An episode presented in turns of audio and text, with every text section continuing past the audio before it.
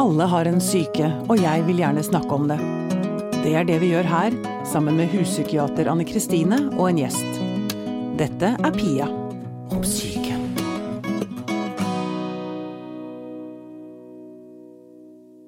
Anne Kristine, er du flink til å be om hjelp? Du er så gøy, du får alltid kasta på deg sånne spørsmål. Eh, vet du, jeg har eh, Jeg må si det at jeg har blitt flinkere til å be om hjelp eh, med åra, fordi jeg har skjønt at det er ikke noe mål å klare seg helt alene. Av en eller annen grunn så tror jeg også kjenner igjen det der. Det er, Man skal klare seg sjæl. Ja. Mm. Men så trenger man ikke det. Man trenger ikke det. I studio på besøk i dag så har vi Lene Hoppeland Bergseth. Du er fagansvarlig hos Kirkens SOS. Mm, Velkommen hit. Takk skal du ha. Du, dere er en døgnåpen krisetjeneste på både telefon og chat. Mm, det stemmer. Ja. Og du sitter som fagansvarlig. Ja, det betyr at jeg har uh, mye av ansvaret for uh, opplæringa over uh, At jeg skal ha oversikt over at vi leverer god kvalitet. Ja. Eh, og så er det veldig mange gode folk med meg på den jobben. Men jeg sitter tett på tjenester, og tett på, på både tilbakemeldinger og på kursing og Ja, alt mulig sånt. ja nettopp. Mm. Um, du har selv sittet uh, på denne si, krisetelefonen. Ikke sant? Dere er åpne døgnet rundt alltid. Ja. Folk kan ringe eller sende melding når som helst, og de får alltid svar. Mm. Ikke sant? Du har selv sittet og snakket med, med mennesker som har vært i krise. Um, kan du si litt om det, hvordan det er? Ja, det er jo så mangfoldig som mennesket er, på et vis. Mm. Eh, det var helt annerledes enn jeg hadde tenkt når jeg begynte med det. Jeg begynte jo å sitte på telefonen og på chat lenge før jeg jobba med det. Ja.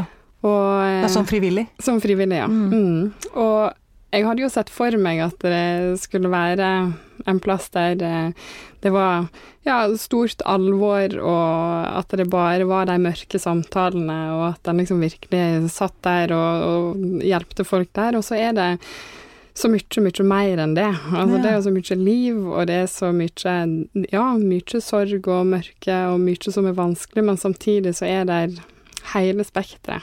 Og det er en nærhet, og det er så utrolig mye fine folk som ringer, og jeg blir så ydmyk på det de byr på, og Mm. det har gitt meg så utrolig mye. Så det er fantastisk å sitte der. Ja, Virkelig. ydmyk. Vårt- Fortell litt mer om det. Det, var, eh, det, det er jo veldig fint å høre, Ja, tenker jeg. At uh... det er um, Altså, folk åpner seg og deler på en måte som jeg syns er utrolig modig. Vi er tross alt et møte som oppstår der og da. Vi blir kjent med hverandre der og da, og vi skal aldri mer snakke med hverandre, sannsynligvis. Eh, og så forteller en om de viktigste tingene i livet sine. På ja, som, som hva da? Hva, hva kan det være? Har du eksempler Ja. på hva folk deler? Mm. Nei, det kan være Mange snakker jo om store sorger en har opplevd, at en har mista enten mennesker rundt seg, en kan ha mista helse, jobb, eh, mange store tap. Og så er det folk som har opplevd alt fra å bli seksuelt misbrukt, voldtatt, eh, fysisk og psykisk mishandla på ulikt vis. Eh, det er mange som er ensomme. Veldig mange som ikke har noen i livet sine, eller opplever det iallfall sånn. Eh, mangler en nær, mm, bekjent og fortrolig. Og så er det andre igjen som bare trenger å lufte frustrasjon eller sinne, som har det vanskelig på jobb, som blir mobba på skolen. Du har folk som sjøl skader, altså det er hele det er hele spekteret. Mm. Og, og så har dere en del som eh, altså, Jeg ser når man går på nettsiden deres, så er det veldig fokus på selvmord. Mm, det er det. For dere møter også en del som Det er en del som ringer som vurderer å forlate livet. Mm, det er det. Det er ganske mange av de som ringer som eh, som mange som har selvmordstanker eller tanker om å ta sitt eget liv, og så er det en del som har helt konkrete planer, og så er det en del som Som sitter, altså Som konkrete sitter planer som sier at nå skal Nå skal det jeg skje.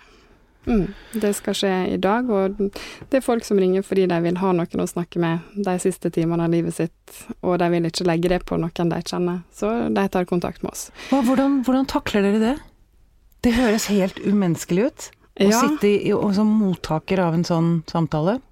Ja, Um, ja, det tenkte tenkte vel egentlig jeg òg før jeg begynte, og det er ikke så ofte en opplever de som er så dramatiske, for Mm. oftest da når folk ringer da, så får vi lov til å hjelpe dem, så det ender opp med at det, det går bra. Ja. For jeg tenker jo at de fleste som tar kontakt med oss, har en plass i seg de egentlig vil leve. Uh, bare at de For ellers så ville de vel nesten ikke ringt, kanskje? Nei, jeg tror ikke det. Jeg tror ikke det. Men så er det noen som virkelig har bestemt seg, og som bare, bare vil ha det selskapet. Og da Det er et eller annet som skjer når du får lov til å være med folk eh, så nær døden. Altså det øyeblikket der den roa som folk opplever eh, Altså, det er litt sånn ubeskrivelig.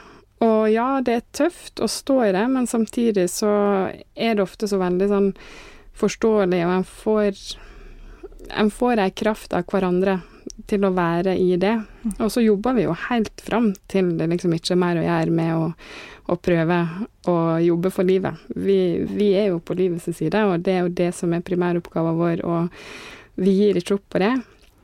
Men noen ganger så er det at det, det ikke går. Så Eh, må dere er bare jo- tenke at ok, nå, dette er ikke mitt valg, dette Nei. Det er nettopp det, og det er vi veldig sånn, det får jeg god opplæring på på kurs, at det er aldri vårt sitt ansvar, aldri vårt sitt valg. Det er den enkelte, og det gjelder alltid. Uansett om du er pårørende, eller om du sitter på en krisetelefon, eller hva som helst. Det med å avslutte sitt eget liv, det er, ligger ene og alene på det mennesket som velger å gjøre det. Mm. Eh, og så er vi mange som kan hjelpe til med å prøve å, å få se andre veier og den type ting, men det vil alltid være til sjuende og sist det mennesket valg. ansvaret er hos eh, mm. Ja, men så er jo ingen, altså vi har ingen som sitter på vakt alene. Vi er jo veldig opptatt av det. Vi er team. Mm. Vi støtter hverandre når vi opplever samtaler som er vanskelige. Og det så tenker jeg det kan være så mange ting som, som ender opp med å være den samtalen som, som setter oss sjøl ut av spill. Mm. Eh, Det er klart det er nærliggende å tenke at det er de samtalene som blir så nær døden. Eh, Men det kan òg være helt andre ting. Altså, jeg husker det jeg grudde meg aller mest for. Det var jo til den dagen jeg skulle møte eh, en overgriper som ringte inn.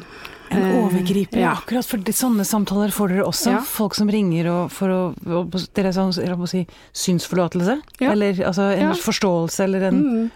Ja, de vil iallfall snakke med noen, sant. Altså, og, og det er jo kjempebra. mm. Eh, men, men det var sånn jeg tenkte at hvordan i alle dager skal jeg kunne møte det?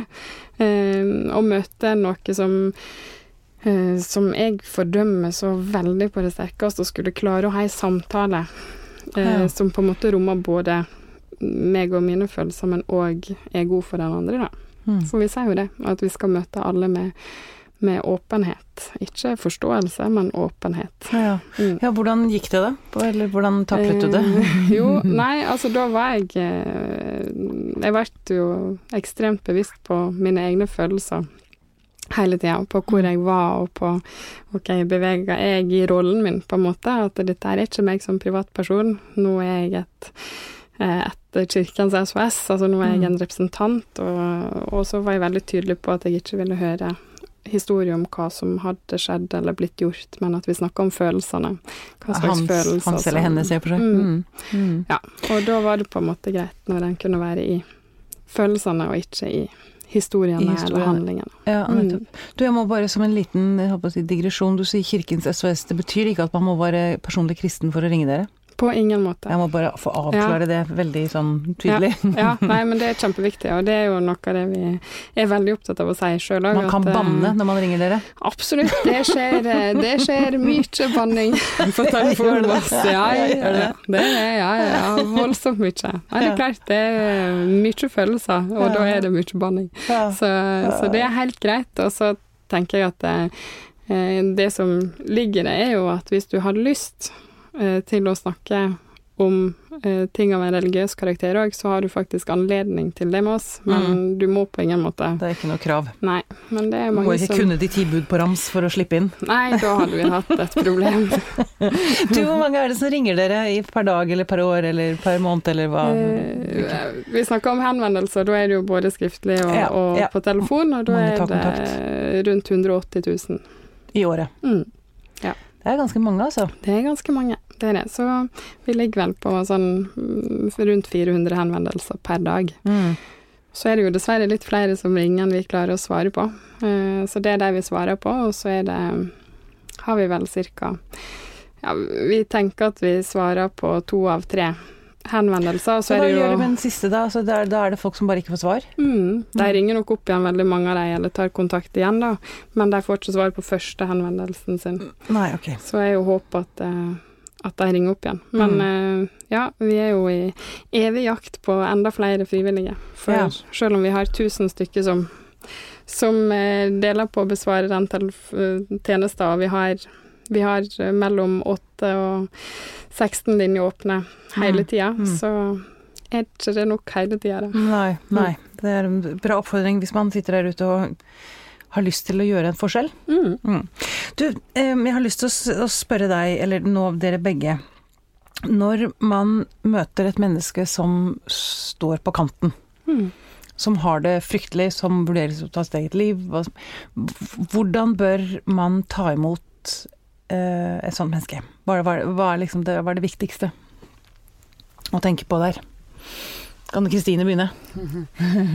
Ja, det fins jo ikke en fasit, Mm. et fasitsvar med to streker under. Men jeg syns jo det ble sagt eh, mye bra her i stad om at det viktigste er jo å møte med, med åpenhet. Mm. Eh, og det å klare å gå inn i en samtale uten å fortelle den andre at den andre tar feil, f.eks. Mm. Eh, sånn at det å starte med å si at nei, nei, du må ikke ta livet ditt, du har jo så mye å leve for. Altså, Mm. Det er jo kanskje dum, en veldig dum måte å starte Ja, på. fordi da sier, sier man du at faktisk ikke. Nei. Og så må vi jo aldri glemme at det er, det er faktisk lov. Altså det er lov å ta sitt eget liv. Mm. Det er ikke forbudt i Norge lenger. Det var jo det for Mm. riktig lenge siden. Men det er faktisk lov. Og det å ha respekt for den lidelsen som må ligge bak en sånn avgjørelse. Mm. Og det å signalisere det. Men samtidig, eh, når noen velger å fortelle om det, så kan jo det være et tegn på at man ikke er 100% sikker. Og det å da kunne være en samtalepartner som kan være med på å si, veie for og imot, og hjelpe til å sortere litt og, og sånne ting, er jo det viktigste. Mm, ja, åpenhet sier du. Eh, Jeg tenker eh, Det var vel noe jeg leste og som jeg også har tenkt altså Forskjellen på empati og sympati. Mm. Um, når, når du sier åpenhet, altså dette med å være empatisk, hva, hva, er, hva ligger det i det? Kan, kan vi bare snakke litt om det? Mm. Ja, for meg så betyr det at jeg prøver å finne ut hvordan ting er for den andre, uten at jeg er så opptatt av, eh, av hva jeg tenker, eller hva jeg Mm. tror at det er. Eh, og det tror jeg er veldig forskjell. Det er iallfall sånn vi får tilbakemeldinger på fra folk, om at det at de får lov til å fortelle sin egen historie, og får lov til å eie den uten at eh, våre folk hele tida skal relatere det til sine egne ting, eller eh, si at ja, men da må det jo være sånn, eller Mm. ja, Du skal dra konklusjoner, dra konklusjoner, eller, ja. eller, eh, Eller si dømme, at, eh, enda verre. Ja, ja, Mm. eller si sånt, altså noe jeg tror alle sier veldig ofte, er jo det her med at jeg forstår akkurat hva du mener, Mm. og det gjør vi jo aldri. Nei. Vi forstår aldri akkurat hva noen andre mener, Eh, men jeg tror det er veldig lett å, å tenke det, og jeg tror i god vilje for å vise at vi forstår, så velger vi mange ganger å, å fortelle om ting vi har opplevd sjøl. Mm. Men det skal man altså ikke gjøre. Altså noen ganger kanskje, men, men jeg tror hvis du skal være en samtalepartner, og det er det Mm. som er meninga i situasjonen, så må du la den andre få fortelle, og la den andre få, få eie sin historie, det, det er liksom alltid noen som har det verre, alltid noen som har opplevd noe lignende, alltid, men det er ikke relevant. Altså det, og det hjelper ikke eh, når poenget med samtaler er at en skal få fortelle hvordan en har det. Så må en få lov til å være i fokus.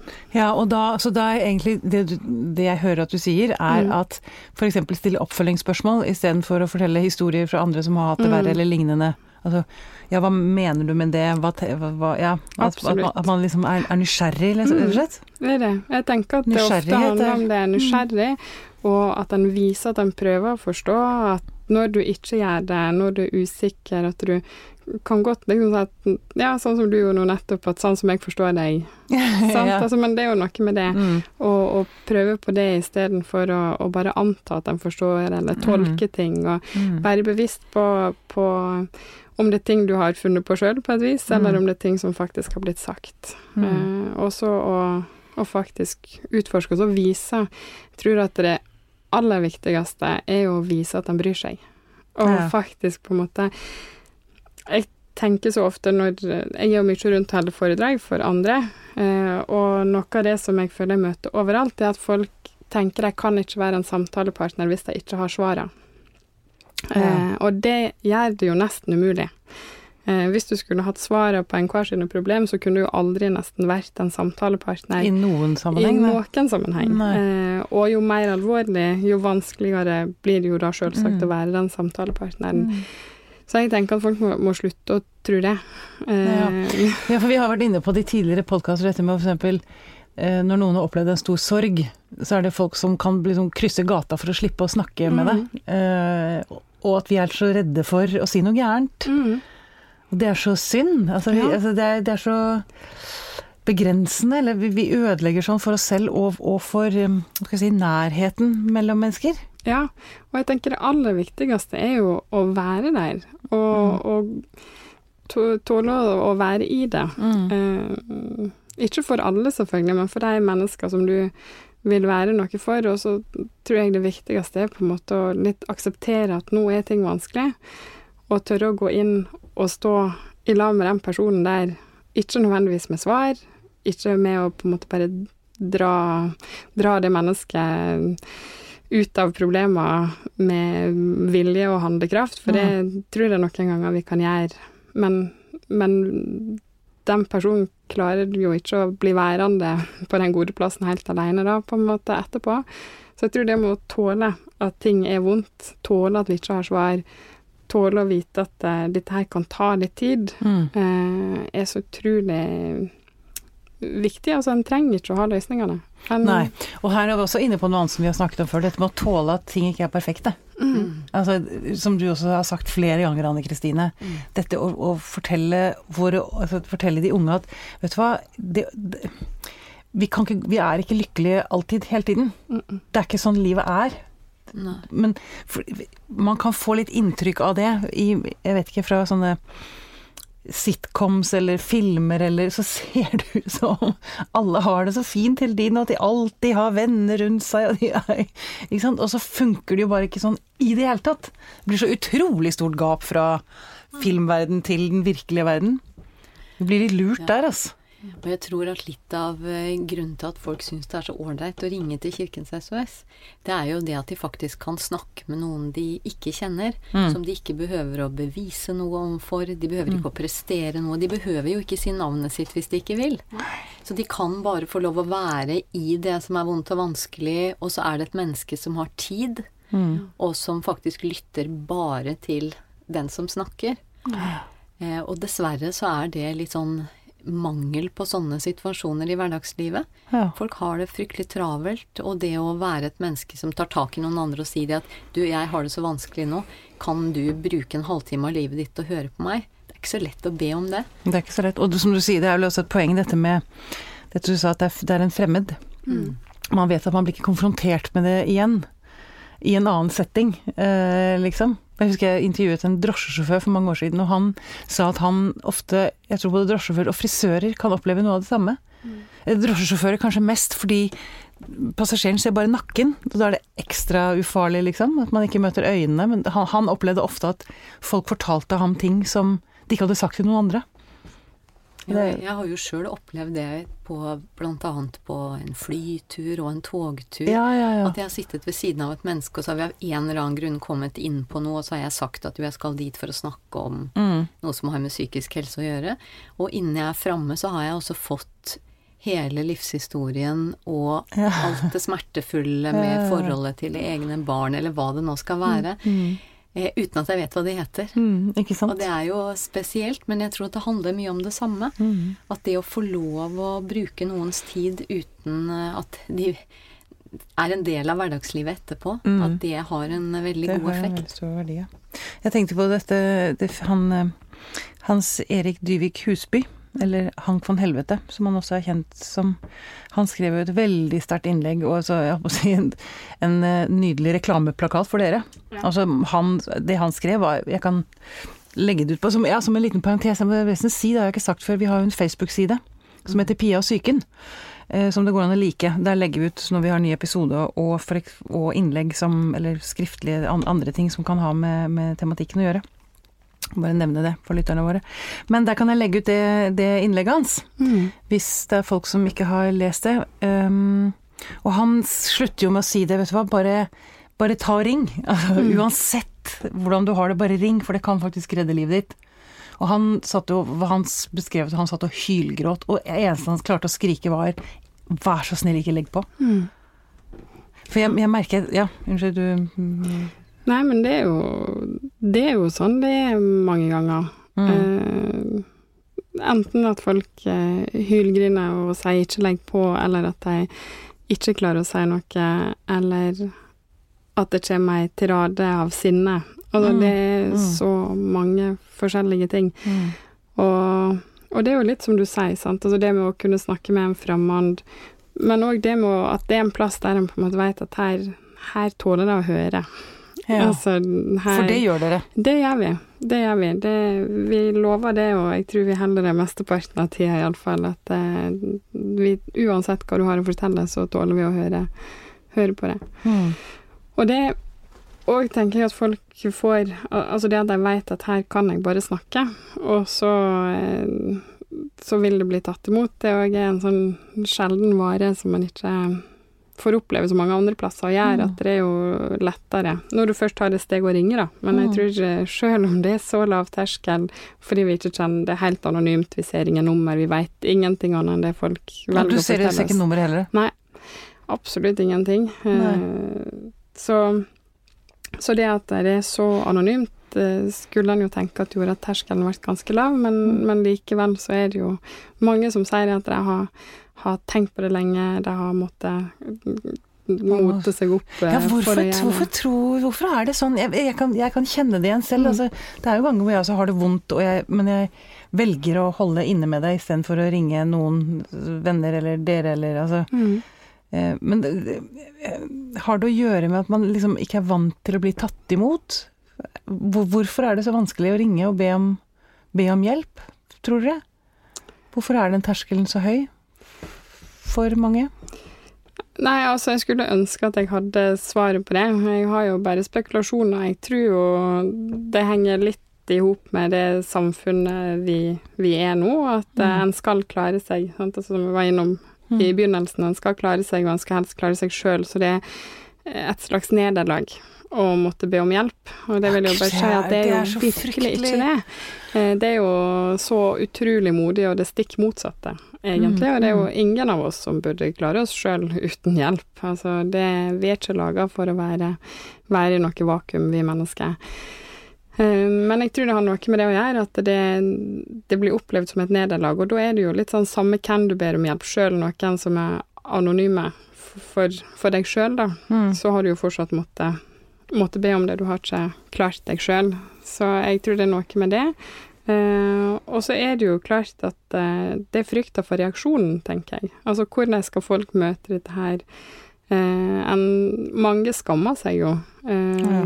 over å ha over å ha det vanskelig. Altså en opplever på et eller annet vis at en er ansvarlig for den situasjonen en er i sjøl, Ja. eller en er ansvarlig for at en ikke takler det en tror at Ja, alle andre takler det så mye en- bedre. ja. Ja. Akkurat. Eh, så en er vel kanskje òg litt redd for hva, hva den en skal snakke med, kommer til å møte en med, da. Mm. Mm.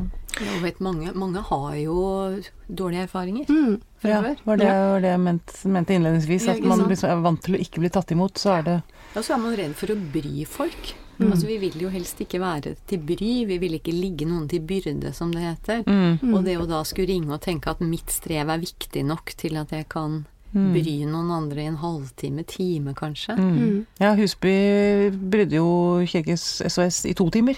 Mm. Er det. Men for da har jeg lyst til å trekke tråden tilbake til det du sa helt innledningsvis. Mm.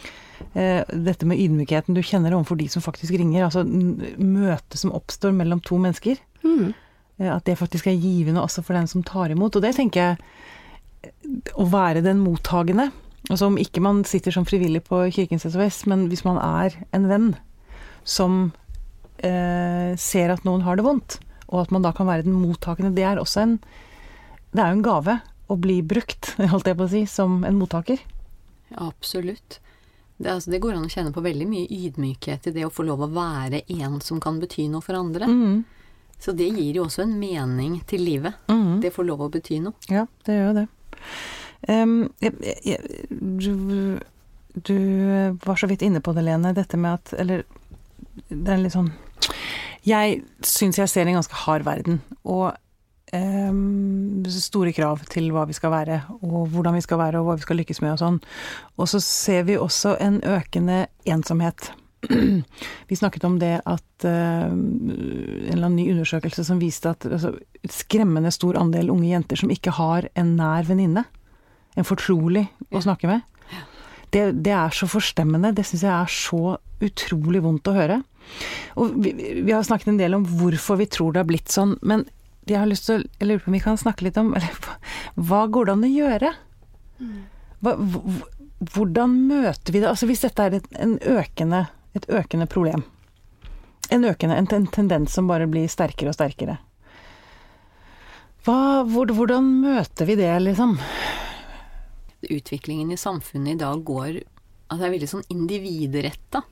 Sånn at alt som skal gjøres, er at eh, hvert enkelt menneske skal liksom bli en suksess på egen hånd, og man skal lykkes, og vi sier til ungdommene sant, at de kan bli hva de vil, og de skal bli noe stort, og alle skal ta utdanning, og, og jeg tror jeg altså, vet ikke helt hvorfor det er blitt sånn, men det er vel en reaksjon eh, det jo at nå har vi muligheten til det, mens man eh, under krigen etter krigen, sånne ting, så var det en veldig sånn solidaritetstanke, og man jobba Sammen og side ved side, side, og- ved side, og mm, mm. skulder ved skulder. Og, og dugnad har jo blitt kåra til liksom det norske ordet.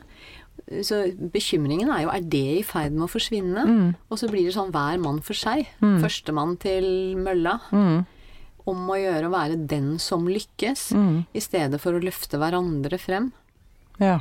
Nå må jeg bare si jeg var på hyttetur i helgen, og der hjalp Hva hadde vi dugnad på en hytte? Så bra. Hjalp til med å henge opp takrenner og grave grøfter og Ja, Det er altså god psykisk helse du fikk etterpå. Vet du hva? Jeg, det er lenge siden jeg har vært så lykkelig. Ja. Jeg mener det, den der følelsen jeg hadde når jeg sto og hjalp til med disse takrennene, og så fikk vi det til. Mm. Og vannet rant i riktig retning, og det var bare Vet du hva, den tilfredsstillelsen, og ikke minst samarbeidet. Mm. Fantastisk følelse, altså. Vi må ha mer dugnad. Mer dugnad. Hva tenker du, Lene? Altså, hva, hva, hva, hva slags ting kan vi gjøre? Hvordan Bevisstheten Nå snakker jeg om hvert enkeltmenneske. Jeg snakker ikke om hva myndighetene skal gjøre. Jeg snakker om meg og deg og du som hører på. Mm. Hva kan vi gjøre for å møte den ensomheten flere og flere opplever? Mm. Nei ehm, Det er nok mange ting, mange forskjellige ting. Og jeg tror jo at det starter litt med det som du sier, med at det ikke Med å være litt ærlige om hvordan ting, ting Faktisk er. faktisk er. Og det kan man være på Facebook, og det er, Ja. det er modig. Det, er- det er, der ligger det mot der. Å Ja. ikke vise glansbildet, men vise skyggesiden, eller Absolutt. noe rart, eller Ja ja, det trenger ikke å være så, å være så alvorlig heller. Bare liksom at eh, ja, at noen dager så er det på en måte fiskeboller til middag. Eh, altså det er Ja, ikke akkurat det, men, Mm. men ja, men at det er, det er ikke alltid uh, ting er helt supert. Altså, for jeg tror at mange um, Iallfall av de vi snakker med av de unge, så er det jo nok mange av de som sier at de ikke har noen nære fortrolige, så eh, kan det jo være med på at de, de tror at folk tror de har det. Eh, Ja. Altså, så jeg, det handler jo noe om det at det kanskje vi ikke er helt klar over at, eh, at eh, folk som føler seg ensomme, faktisk gjør det. Eh, og, og det å skulle si, sette ord på det, skulle si at jeg har ikke noen, altså det er jo så Altså, det er jo omtrent umulig, for det er jo iallfall å komme med en innrømmelse om at en ikke får det til. Mm. Eh, eller kanskje til og med at eh, nei, det er ingen som liker meg eller bryr seg om meg, eller ja. Eh, så jeg tror jo det er noe med å faktisk eh, At en må være litt eh, oppsøkende og ærlige sjøl. og det er jo det siste jeg vil, å legge ansvaret på de som har det vanskelig allerede, men, men der må, må en på en måte si litt at den har viser på et eller annet vis iallfall at den har lyst til å bli tatt med og, og ja. skape rom til det. Og så tror jeg òg det er noe med tid for unge mennesker spesielt. Så jeg tror at den bruker så uendelig mye tid med å være på aktiviteter. Jeg har en sånn tidsplan. Altså jeg tenker Jeg er ikke så gammel, jeg er 34. Jeg bare, så jeg følte ikke det så lenge siden jeg var ung, og det innser jeg jo at det begynner å bli. Men vi hang jo mye. Vi kjeda oss jo utrolig mye. Mm. Det var jo masse tid som ikke var fylt med aktivitet eller mm. ting vi skulle gjøre. Eh, og den tida ble jo ofte det var jo ofte der disse samtalene og det som skaper fortrolighet og skaper ja, nærhet. Det er der man får rommet til og tiden til å Ja, til å på en måte få det som som ble verdt noe, da. Og mye av tida så var en jo bare stille, men, men du visste jo på en måte mye mer om de rundt, annet enn at eh, de var gode og, og med en eller annen treningsform, eller hadde et spesielt talent for å synge, eller altså det som du veldig ofte får det er kjempebra med aktivitet, men jeg tenker at når tidsplanen er så full at du aldri får tid til å snakke med noen, så er det jo heller ikke rom for å bli fortrolige. Nei, ikke sant. Men jeg har lyst til å si en ting avslutningsvis òg. At eh, eh, noe av grunnen til at noen kjenner på ensomhet eller kjenner at det er vanskelig å være aleine, kan jo også være det at det, det, virker som det eneste normale er å ha mange venner og være sammen med dem og gjøre gøye ting hele tida. Mm. Og når man da ikke gjør det sjøl, så kan man jo sitte og føle seg annerledes, og at det mm. blir verre. Mm. Men, men, altså, det, det, er helt normalt å trives med å være aleine. Det er helt normalt å like å sitte hjemme en lørdag kveld istedenfor å være sammen med venner eller gå på fest eller hva det nå er. Mm. Sånn at det er viktig å skille mellom det å være alene og det å være ensom. Mm.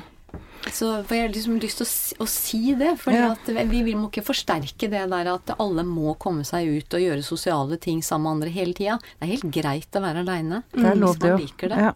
Ja. Og så òg at det, det er heller ikke antall. Altså én er jo mer enn nok. altså mm. det er ikke ja, det er ikke sånn at du må ha mange for at du skal ha en venn. Nei. Det er eh, godt, godt poeng. No, noe du har lyst til å si til slutt, Lene, om det vi har snakket om? Noe du som eh, du føler du har brent inne med? Som eh, Nei, jeg skal gjenta, heller gjenta noe jeg har sagt. og Det er jo at det er utrolig viktig å snakke om hvordan en har det både på de gode dagene og de vanskelige dagene. Dele, dele gledene og alt som er òg. Enten om det med noen du ikke kjenner, eller noen du kjenner. Mm. Men snakk om det. Og så eh, som samtalepartnere, ikke vær redde for å spørre om hvordan folk faktisk har det, for vi trenger ikke å ha svaret. Nettopp, det er et godt, mm. godt poeng. Det er ikke spør om hvordan folk faktisk har det. Mm. Og ikke vær redd for svaret. Ta, imot, Bare ta imot det som kommer. Mm. mm. Veldig bra. Lene Hopland Bergseth fra Kirkens SOS, tusen takk for at du kom. Takk for at jeg fikk komme.